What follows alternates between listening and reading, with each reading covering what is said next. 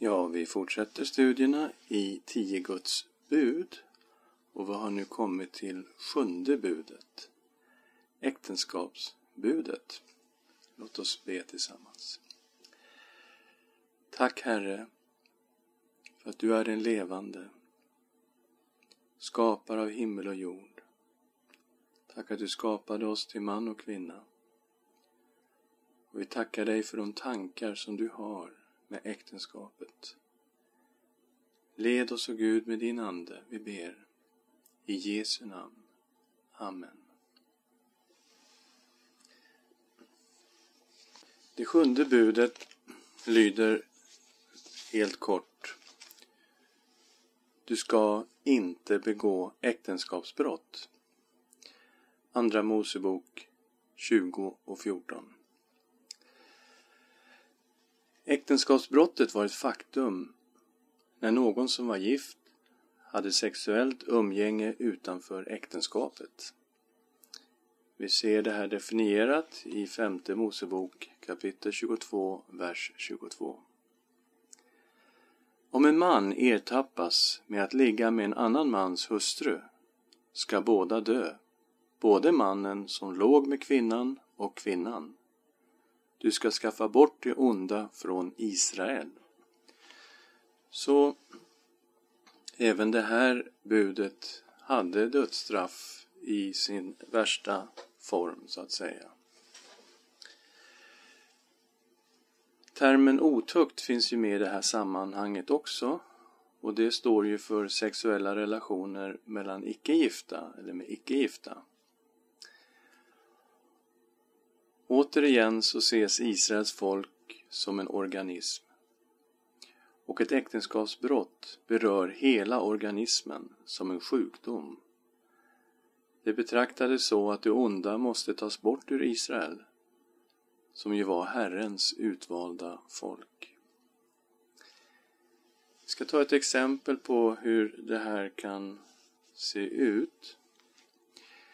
Och vi går till den mörka perioden i kung Davids liv som just inleds med ett äktenskapsbrott med Batseba och som leder till ett planerat mord på Batsebas make Uria.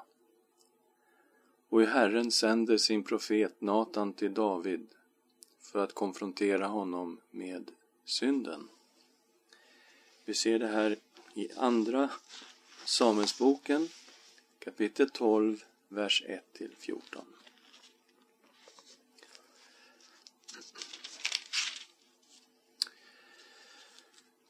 Herren sände Natan till David. Han kom till David och sa till honom Två män bodde i samma stad. Den ene var rik, den andra fattig. Den rike hade får och boskap och mycket stor mängd. Men den fattige hade ingenting alls, utom ett enda litet lamm som han hade köpt. Han födde upp det och det växte upp hos honom och hans barn. Det åt av hans brödstycke och drack ur hans bägare och låg i hans famn och var som en dotter för honom. Så kom en vägfarande till den rike mannen. Då nämndes han inte ta av sina egna får och sin egen boskap för att reda till åt den resande som hade kommit till honom. Utan han tog den fattiges lamm och tillredde det åt mannen som hade kommit till honom. Då blev David alldeles rasande på den mannen och han sa till Natan, så sant Herren lever. Den man som har gjort detta förtjänar döden. Lammet ska han ersätta fyrdubbelt för att han har gjort detta och var så obarmhärtig. Natan sa då till David Du är den mannen. Så säger Herren, Israels Gud. Jag har smort dig till konung över Israel och har räddat dig ur Sauls hand. Jag har gett dig din herres hus och lagt i din herres och lagt din herres hustrur i din famn. Jag har gett dig Israels och Judahus. Och om detta var för litet skulle jag gett dig ännu mer. Varför har du då föraktat Herrens ord och gjort det som är ont i hans ögon? Hetiten Uria har du dödat med svärd och hans hustru har du tagit till hustru åt dig. Du har dödat honom med ammoniternas svärd. Så ska nu aldrig svärdet vika från ditt hus, eftersom du har föraktat mig och tagit hetiten Urias hustru till hustru åt dig. Så säger Herren, jag ska sända olycka över dig och ditt hus. Och jag ska ta dina hustrur inför dina ögon och ge dem åt en annan, och han ska ligga med dina hustrur mitt på ljusa dagen. Du har gjort sådant i hemlighet, men jag ska låta det ske inför hela Israel, och det på ljusa dagen.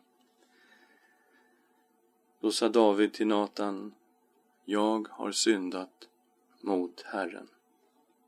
Natan sa till David, så har också Herren förlåtit dig din synd. Du ska inte dö. Men eftersom du genom denna handling har kommit Herrens fiender att förakta honom, måste den son som just har fötts åt dig dö. Så här har vi en oerhört tragisk situation. Där David begår både äktenskapsbrott och planerar ett mord och på så sätt är han skyldig till mord. Vi vet att David ångrar sig och han bekänner ju sin synd. Och vi ser det i den här starka salmen, den 51 salmen i Saltaren. Här ber David, och det står i ingressen här, för sångmästaren, en psalm av David, när profeten Natan kom till honom sedan han hade gått in till Batseba. Gud var mig nådig enligt din godhet. Utplåna mina överträdelser enligt din stora barmhärtighet. Två mig ren från min missgärning, rena mig från min synd. Ty jag känner mina överträdelser och min synd är alltid inför mig. Det är mot dig jag har syndat och gjort det som är ont i dina ögon. Du är rättfärdig när jag talar, när du talar. Du är ren när du dömer. Se, i synd är jag född och i synd blev jag till i min moders liv. Du vill jag ha sanning i mitt innersta, lär mig då vishet i mitt hjärtas djup. Rena mig med isop så att jag blir ren. Två mig så att jag blir vitare än snö. Låt mig få höra fröjd och glädje Låt de ben som du har krossat få jubla. Vänd ditt ansikte från mina synder. Utplåna alla mina missgärningar. Skapa i mig, Gud, ett rent hjärta och ge mig på nytt en frimodig ande. Förkasta mig inte från ditt ansikte och ta inte din heliga Ande ifrån mig. Låt mig åter få jubla över din frälsning och håll mig uppe med villig ande. Jag vill lära överträdarna dina vägar så att syndare omvänder sig till dig. Rädda mig från blodskulder, Gud, du min frälsningsgud. Så ska min tunga jubla över din rättfärdighet. Herre, öppna mina läppar, så ska min mun förkunna ditt lov. Slaktoffren gläder dig inte, annars skulle jag ge dig sådana. Brännoffren tycker du inte om. Offer som Gud vill ha är en förkrossad ande. Ett förkrossat och bedrövat hjärta föraktar du inte, Gud. Gör väl mot Sion i din nåd. Bygg upp Jerusalems murar. Då ska du glädja dig åt rätta offer, brännoffer och heloffer. Då ska tjurar offras på ditt altare. Så i den här salmen så ser vi hur David ångrar sig och omvänder sig. Men det är så just med äktenskapsbrottssynder att de kan få oerhörda konsekvenser. Det kan leda till skilsmässor. Det kan leda till att barn föds utanför äktenskap. Det kan få konsekvenser. Även om synden är förlåten så kan konsekvenserna fortfarande bli stora i lång, lång tid därefter och för många andra människor. Och profeten Natan talar ju här till David och talar just om konsekvenser. Han säger Så ska nu svärdet, ska nu aldrig svärdet vika ifrån ditt hus eftersom du föraktat mig. Och han säger, jag ska sända olyckor över dig från ditt eget hus. Och jag ska ta dina hustrur inför dina ögon och ge dem åt en annan. Och han ska ligga med dina hustrur mitt på ljusa dagen. Du har gjort sådant i hemlighet, men jag ska låta det ske inför hela Israel, och det på ljusa dagen. Man säger också om den här pojken som föds i äktenskapsbrottet att den pojken kommer att dö. Och när vi tittar framåt i Andra Samuelsboken och också i Första Konungaboken så ser vi oerhörda konsekvenser inom Davids egen familj. Många saker som gick fel. Det vittnar inte om en familjeharmoni och kärlek utan snarare en familjes sönderfall. Det här barnet som Batseba födde ur äktenskapsbrottet, det dog i enlighet med profeten Natans ord. Men vi ska också komma ihåg att Batseba blev mamma till Salomo så att det fanns förlåtelse och upprättelse och att Salomo blev ju den som blev kung efter David. Vi läser vidare om Davids äldste son Amnon våldtog sin halvsyster Tamar och övergav henne direkt efter brottet. Vi läser om hur Absalom, Davids tredje son och bror till Tamar, tar hämnd på sin storebror och halvbror Amnon genom att mörda honom. Sen läser vi senare om hur Absalom gör uppror mot sin far, kung David, och tar makten i Israel. Kung David tvingas fly från Jerusalem. Absalom skändar David genom att ha sexuell gemenskap med Davids bihustru.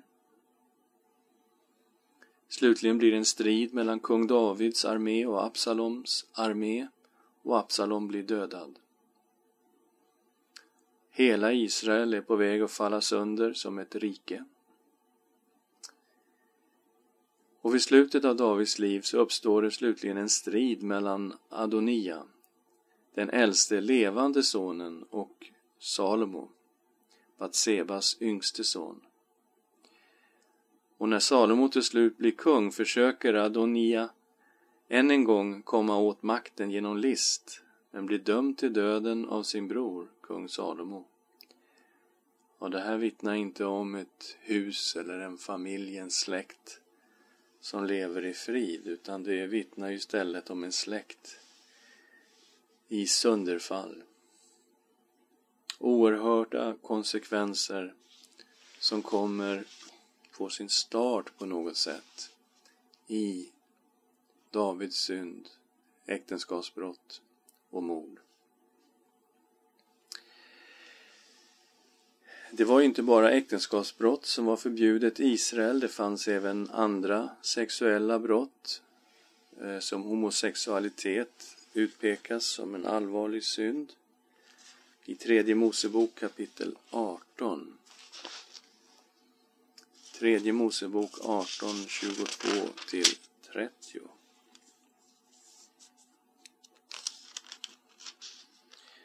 Du ska inte ligga med en man som en man ligger med en kvinna. Det är avskyvärt. Du ska inte ligga med något djur så att du genom det blir oren. Inte heller ska en kvinna ställa sig framför ett djur och para sig med det. Det är naturvidrigt. Ni ska inte orena er med något av detta. Ty med allt sådant har de hedna folk orenat sig, som jag driver bort för er. Genom detta har landet blivit orenat, och jag ska straffa det för dess missgärning, så att landet har spytt ut sina invånare. Ni ska därför hålla fast vid mina stadgar och lagar, och ingen av er, vare sig han är född i landet eller en främling som bor ibland er, ska göra någon av dessa avskyvärdheter. Till alla dessa avskyvärda ting har landets invånare bedrivit det som var där före er och landet har blivit orenat. Gör inte något sådant så att landet spyr ut er, liksom det har spytt ut det folk som har bott där före er. Ty var och en som gör något av dessa avskyvärdheter ska utrotas ur sitt folk, ja, alla som gör sådant. Håll därför fast vid vad jag har befallt er att iaktta, så att ni inte följer någon av dessa avskyvärda seder som man har följt före er och så orenar er genom dem. Jag är Herren, er Gud. När vi kommer till Nya Testamentet och försöker få reda på hur man såg på det sjunde budet, alltså du ska inte begå äktenskapsbrott. Eh, då blir det uppenbart just när det gäller Jesus att hans syn på äktenskapsbrott var strängare än vad som var vanligt bland judarna på hans tid.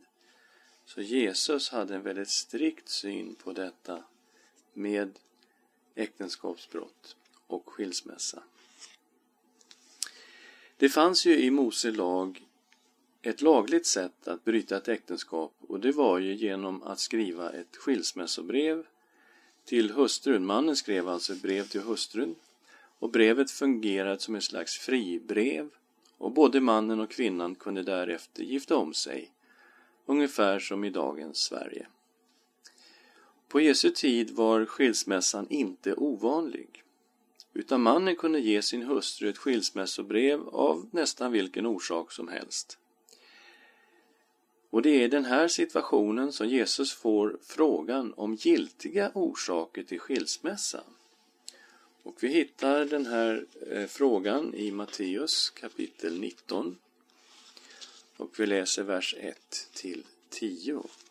Matteus 19.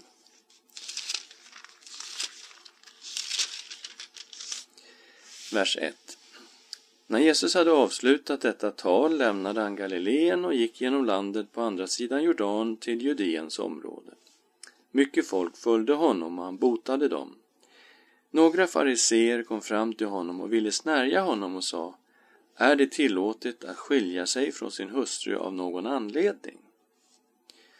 Han svarade, har ni inte läst att skaparen från begynnelsen gjorde dem till man och kvinna?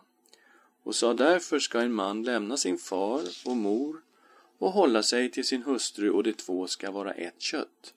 Så är det inte längre två, utan ett kött. Vad Gud har fogat samman skall människan inte skilja åt.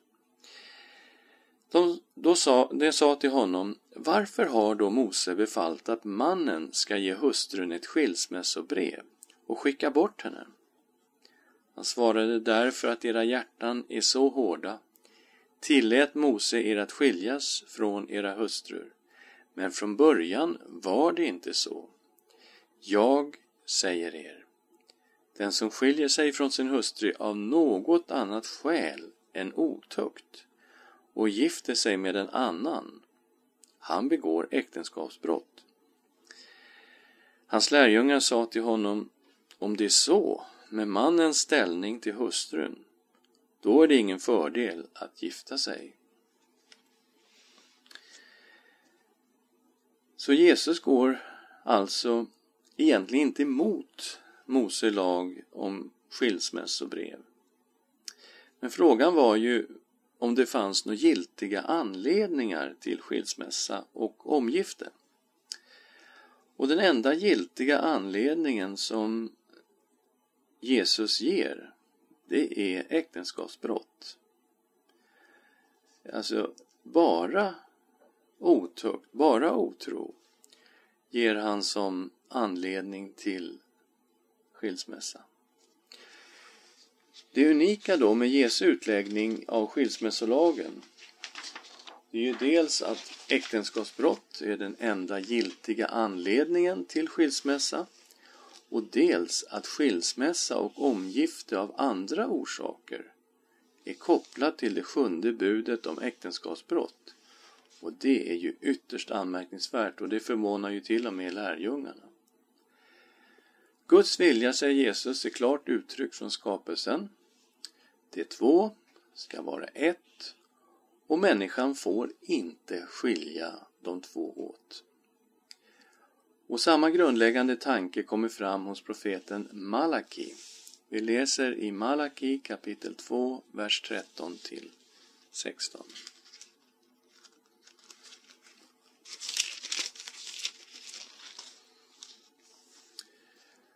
Och för det andra gör ni detta, ni översköljer Herrens altare med tårar, gråt och klagan, eftersom han inte längre vill se till offergåvan eller ta emot något från er hand med glädje.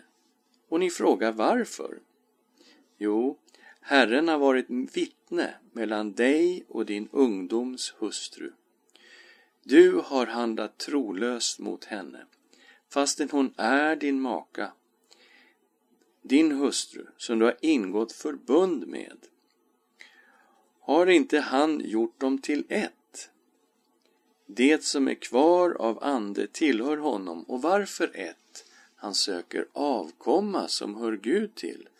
Så ta vård om er ande och handla inte trolöst mot er ungdoms hustru. Jag hatar skilsmässa, säger Herren, Israels Gud och att man höljer sig i våld som i en klädnad, säger Herren Sebaod. Så ta vård om er ande och handla inte trolöst. Så här är helt klart att Herren är emot otrohet mot eh, en, din ungdoms hustru. Och han säger tydligt, jag hatar skilsmässa.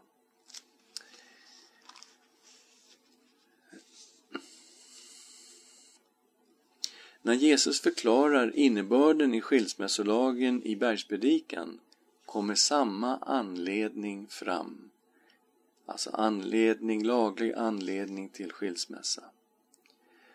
Det betyder att Jesus ser äktenskapet som en oupplöslig förening av något som Gud har fogat samman på ett andligt sätt. Och att den här föreningen består enligt Jesus även efter en skilsmässa. Därför blir omgiftet ett äktenskapsbrott. Se hur Jesus lär i bergspredikan Matteus 5, 31 och 32.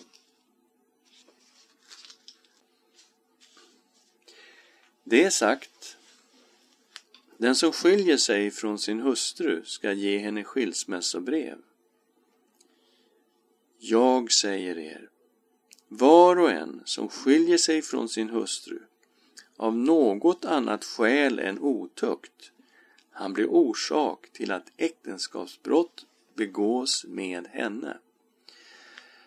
Och den som gifter sig med en frånskild kvinna begår äktenskapsbrott, alltså bryter hennes första äktenskap. Så det här är ju oerhört strikt tolkning av skilsmässolagarna som Jesus har. Och det här innebär ju då att även om den ena parten efter en skilsmässa bryter sitt första äktenskap genom att gifta om sig. Om detta sker, då blir den andra parten fri att gifta om sig utan att synd begås. Men först då blir den andra parten fri att gifta om sig. För annars har vi detta problem med omgifte och omgifte som betraktas av Jesus som äktenskapsbrott och ett brott mot det sjunde budet. När vi går vidare till apostlarna ska vi se hur de undervisade om det här. Aposteln Paulus lärde att bara döden kan på ett naturligt sätt bryta ett äktenskap. Och det ser vi i Första Korinthierbrevet kapitel 7 och vers 39. En hustru är bunden så länge hennes man lever. Men om mannen dör är hon fri att gifta om sig med vem hon vill, bara det sker i Herren. Så, det enda naturliga sätt att bryta ett äktenskap, det är döden. Men efter döden är den ena eller den andra parten naturligtvis fri att gifta om sig. Men rådet är starkt att gifta sig med en troende, bara det sker i Herren. Om två troende separerade så fick de inte gifta om sig. Eh, I Första Korinthierbrevet 7, vers 10 och 11. De gifta ger jag en befallning som inte är min utan Herrens. En hustru får inte skilja sig från sin man. Skiljer hon sig ska hon förbli ogift eller försona sig med sin man och en man får inte överge sin hustru. Glasklart. Guds vilja är inte skilsmässa. Det får inte ske. Skulle det ske ändå, så att katastrofen är ett faktum, då ska hon förbli ogift. Eller försona sig med sin man. Det är naturligtvis ett mål att man kan förlåtas och försonas och leva tillsammans igen.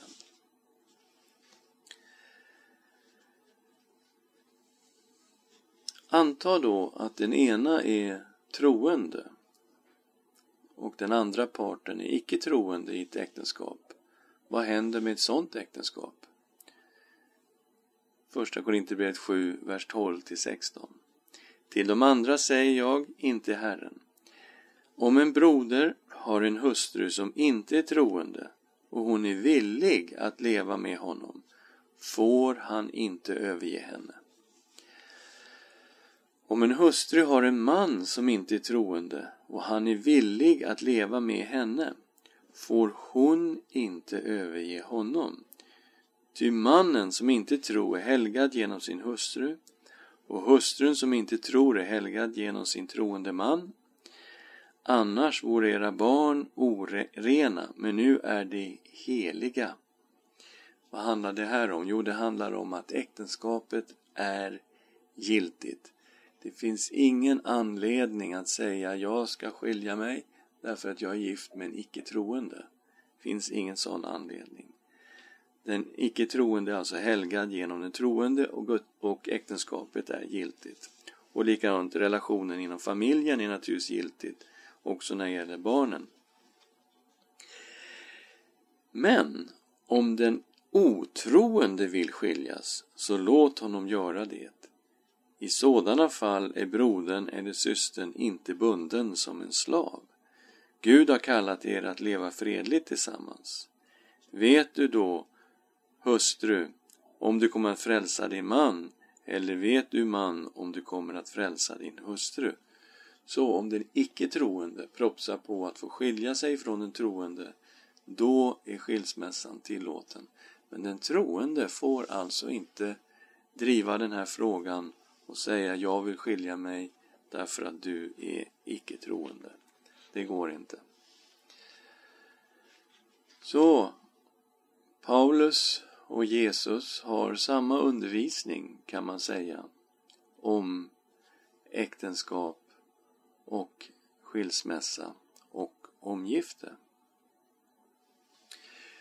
Och man kan ju ställa sig en fråga varför Gud är emot att det här äktenskapsförbundet bryts. Vad är det som ligger bakom?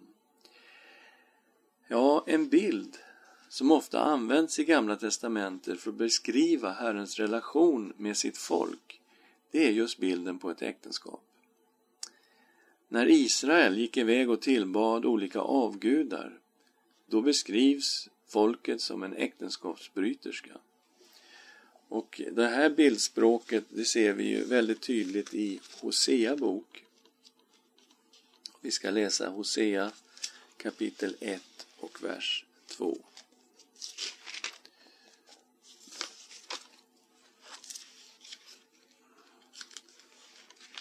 Hosea kapitel 1, vers 2. Detta är början av Herrens ord genom Hosea. Herren sa till honom, Gå och skaffa dig en sköka till hustru och skaffa dig barn till en sköka. Ty landet bedriver hor genom att överge Herren. Så profetens eget äktenskap var en bild på relationen mellan Herren och folket. Och profeten gifte sig då med en otrogen kvinna. Och eh, Herren hade en relation med Israel, men Israel hade övergett Herren och tillbett andra gudar. Och, eh, men Herren, han, han är nåderik och barmhärtig och han återupprättar relationen med Israel. Och på samma sätt ska Hosea återuppta sin relation med sin hustru. Så hela profetens äktenskap är alltså en bild på relationen Herren-Israel. Vi kommer till tredje kapitlet, vers 1-5. Och Herren sa till mig, gå och älska din hustru igen, fastän hon älskas av en annan och har begått äktenskapsbrott. Älska henne som jag, Herren, älskar Israels barn, fastän de vänder sig till andra gudar och älskar druvkakor. Och jag köpte henne åt mig och gav för henne femton sikla silver och en homer och en letek korn.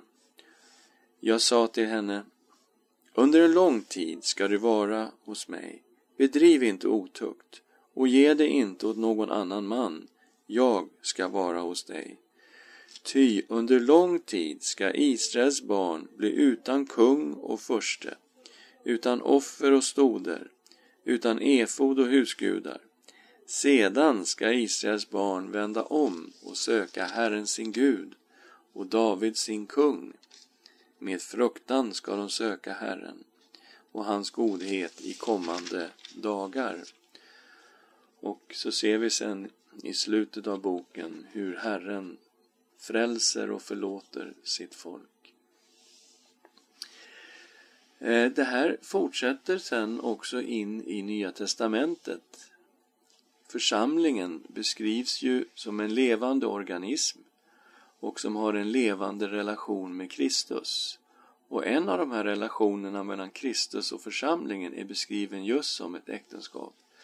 Och det ser vi i Efesiebrevet kapitel 5, vers 22 till 33. Och det som gör det här stället lite speciellt är att han parallellt med undervisning om relationen mellan Kristus och församlingen också undervisar om relationen mellan man och hustru i ett äktenskap. Så det sker parallellt i samma verser. Efesierbrevet 5.22 Ni hustrur underordna er era män så som ni underordnar er Herren. Ty en man är sin hustrus huvud, liksom Kristus är församlingens huvud, han som är frälsare för sin kropp. Så som församlingen underordnar sig Kristus ska hustrun i allt underordna sig sin man. Ni män, älska era hustrur, så som Kristus har älskat församlingen och offrat sig för den, för att helga den, sedan han renat den genom vattnets bad i kraft av ordet. Ty han ville ställa fram församlingen inför sig i härlighet, utan fläck och skrynkla eller något annat sådant. Helig och fullkomlig skulle den vara, På samma sätt är mannen skyldig att älska sin hustru som sin egen kropp. Den som älskar sin hustru älskar sig själv. Ingen har någonsin hatat sin egen kropp, utan man ger den näring och vårdar den, så som Kristus gör med församlingen, eftersom vi lämmar i hans kropp. Därför ska en man lämna sin far och sin mor och hålla sig till sin hustru, och de två ska vara ett kött. Denna hemlighet är stor.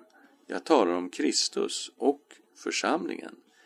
Men vad er angår ska var och en älska sin hustru som sig själv och hustrun ska visa sin man vördnad.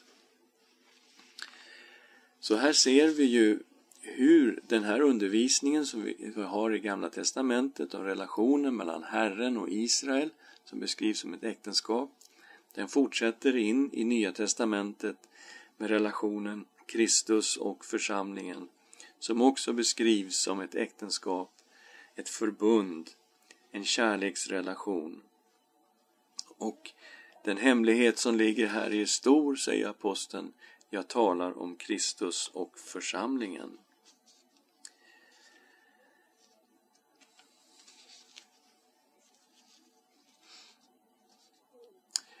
Så det sjunde budet står fast även i Nya testamentet. Eh, äktenskapet är ett förbund, ett heligt förbund som Gud vill ska bevaras rent. Hebreerbrevet 13 och 4 där det står Äktenskapet ska alltid hållas i ära och den äkta sängen bevaras obefläckad. Ty otuktiga och äktenskapsbrytare ska Gud döma. Så, det sjunde budet är upprätthållt i Nya testamentet. Hur förklarar då Jesus det sjunde budet? Du ska inte begå äktenskapsbrott. Precis som när han förklarar de andra buden så går han rakt in i centrum av budet. Och man har försökt säga att Jesus kanske skärper buden här i i bergspredikan i Matteus femte kapitel. Men det är snarare så att han går in till centrum av budet och förklarar det innersta i varje bud. Och det har vi också här när han förklarar det sjunde budet. Matteus 5, 27 och 30. Ni har hört att det är sagt, du ska inte begå äktenskapsbrott. Jag säger er, var och en som, som med begär ser på en kvinna har redan begått äktenskapsbrott med henne i sitt hjärta. Om ditt högra öga förleder dig till synd, så riv ut det och kasta det ifrån dig. Det är bättre för dig att en av dina lemmar går förlorad, än att hela din kropp kastas i Gehenna. Om din högra hand förleder dig så, till synd, så hugg av den och kasta den ifrån dig. Det är bättre för dig att en av dina lemmar går förlorad än att hela din kropp kommer i till Gehenna. Så, när Jesus är klar med utläggningen av det sjunde budet så står vi alla där återigen som syndare.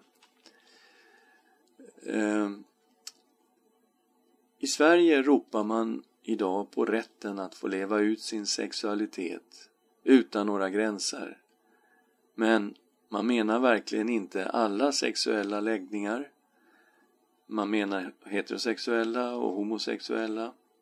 Medan andra läggningar ska förhindras och framförallt pedofili ska inte få levas ut och inte tidelag och så vidare. Eh, de ska förhindras att få levas ut. Det är viktigt för oss att påminna oss om att Nya testamentets stränga tolkningar av det sjunde budet fördes fram i romarriket. Romarriket var mycket lössläppt på det sexuella området. Situationen var faktiskt betydligt värre än i Sverige. Man tillät sexuella förbindelser med nära släktingar, tillfälliga sexuella förhållanden, besök hos prostituerade, manlig homosexualitet, lesbiska förhållanden, homosexuella förbindelser mellan vuxna och barn, sexualitet med avlidna personer och även med djur.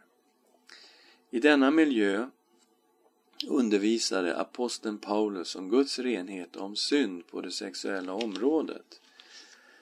Och eh, vi ska se ett par exempel på hur aposteln undervisar om detta i just den här eh, lössläppta miljön som romarriket representerade.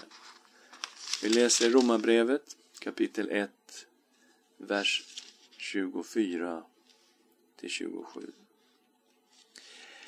Därför utlämnade Gud dem till att följa sina egna begär och bedrev all slags otukt och förnedrande sina kroppar.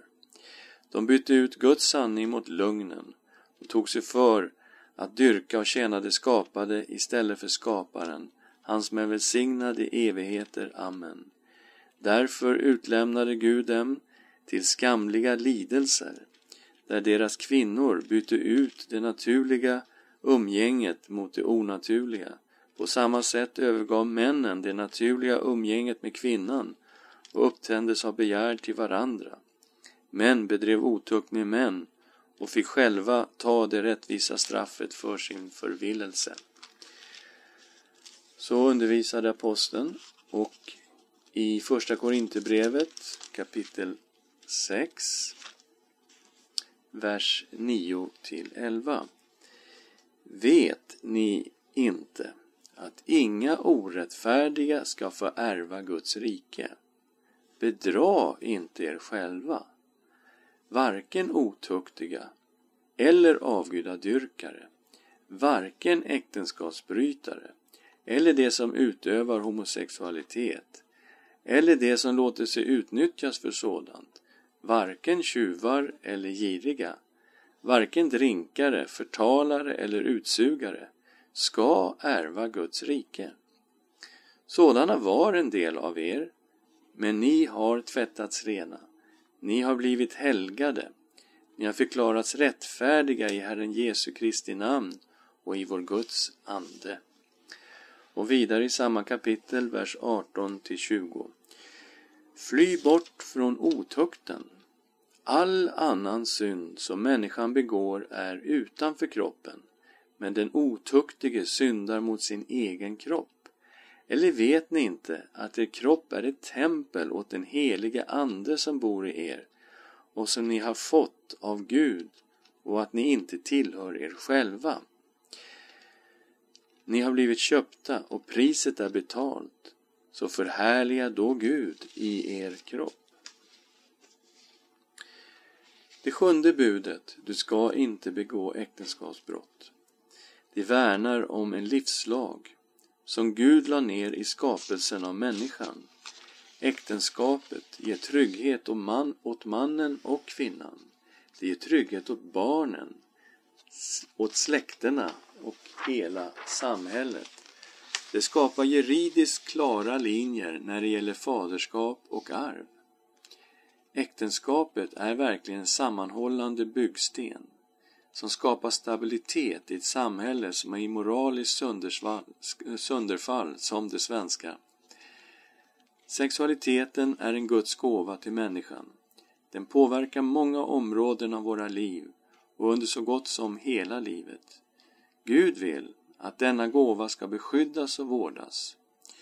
Den är en del av vår personlighet när vi lever som ogifta eller gifta. Bibeln är noga med att lyfta fram att även ogifta människor lever fullvärdiga liv så som Gud har menat för dem. Se bara på Jesus Kristus, profetissan Hanna, aposteln Paulus och många andra. Sexualiteten får levas ut till fullo enbart i äktenskapet. Det nya testamentet för fram monogamin mellan man och kvinna som den enda kristna formen för äktenskap. Det handlar om den livslånga föreningen mellan två människor. Ett sådant äktenskap är Guds rena vilja ända från världens skapelse. Och vi behöver fundera kring hur vi ska förhålla oss till det sjunde budet i vår kropps och sexfixerade tid. Hur kan vi i vår tid följa Bibelns undervisning om äktenskapet mellan man och kvinna som den enda tillåtna samlevnadsformen? Låt oss be tillsammans. Tack Herre för din vilja. Att det är din vilja, att det du har fogat samman, det ska människan inte skilja åt. Och vi ber att du ger oss nåd att följa detta. Ge oss också nåd att visa kärlek och barmhärtighet överallt där det har gått sönder, överallt där det har blivit problem och svårigheter. Ge oss nåd att visa kärlek, din kärlek, till alla människor, oavsett hur det ser ut. I Jesu namn. Amen.